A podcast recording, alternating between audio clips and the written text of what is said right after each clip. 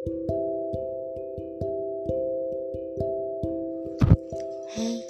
how are you? Katamu, waktu itu belum ada kabar. Ya sudah, kataku menutup percakapan. Aku terpaku menatap layar ponselku. Sebelum kamu ternyata bertanya juga tentang kabarku.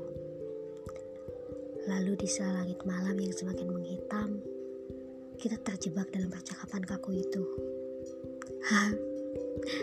Andai kamu tahu apa yang aku pikirkan saat itu, mungkin hari ini kita bisa tetap saling menyapa. Tapi sayangnya tidak.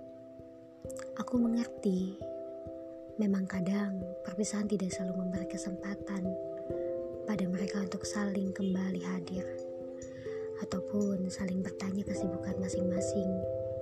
Ya, walaupun jawabannya paling sibukku kini melupakanmu.